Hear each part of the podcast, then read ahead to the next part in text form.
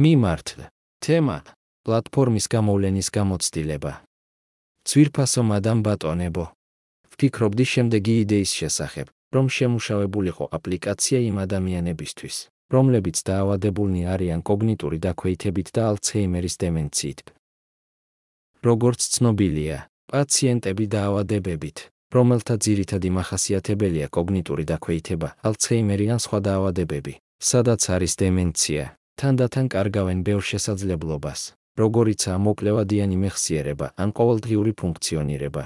იდეა არის პროგრამული უზრუნველყოფის შექმნა, ან სისტემა, რომელიც შეიქმნება ამ სიტუაციაში მყოფი ადამიანებისთვის. გამოწვევა ამ სისტემაზე კონცენტრირება ყველა პროგრამული უზრუნველყოფის ან სისტემის შესახებ, რომელსაც ადამიანი იყენებს და ხელოვნური ინტელექტის სისტემის საშუალებით ოპერაციული მექანიზმი უფრო მარტივი და მარტივი გახდება. როგორც დაავადება პროგრესირებს. რა თქმა უნდა, იმისათვის, რომ შეიქმნას სისტემა ისე, რომ რაც შეიძლება ზუსტად მოერგოს მას, ვინც იყენებს მას, აუცილებელია მკვლევარებთან, შემეცნების დარგის მკვლევარებთან, აგრეთვე ნევროლოგებთან თანამშრომლობის შემუშავება და კონსულტაცია. სისტემის მიზანი, რა თქმა უნდა, არის საშუალებას მისცემს ადამიანებს, რომლებიც იყენებენ კომპიუტერს სხვადასხვა მიზნებისთვის და დემენციის დროს, სრულად არ დაკარგონ წვდომა იმ სისტემებზე, რომლებსაც ისინი იყენებდნენ მრავალი წლის განმავლობაში. ამით გაუმჯობესდნენ მათი ცხოვრების ხარისხი მნიშვნელოვნად მაინც ძალიან ბევრია დაავადების სიმპტომების შედეგად. ჯერჯერობით თავად იდეა.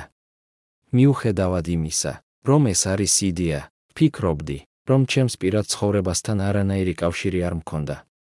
მე აღნიშნავ, რომ ყველაფერში, რაც პირადად მე მაინტერესებს. უამრავი საკითხია გასათვალისწინებელი. ერთი მე არ ვარ საშუალო სკოლის პროფესიონალი და არც პროფესიონალი ტვინის კვლევის სფეროებში. შემეცნება ან ნევროლოგია და ამ მიზეზით მე ვერ შევძლებ ასეთი პროექტის განხორციელებას ეტაპობრივად.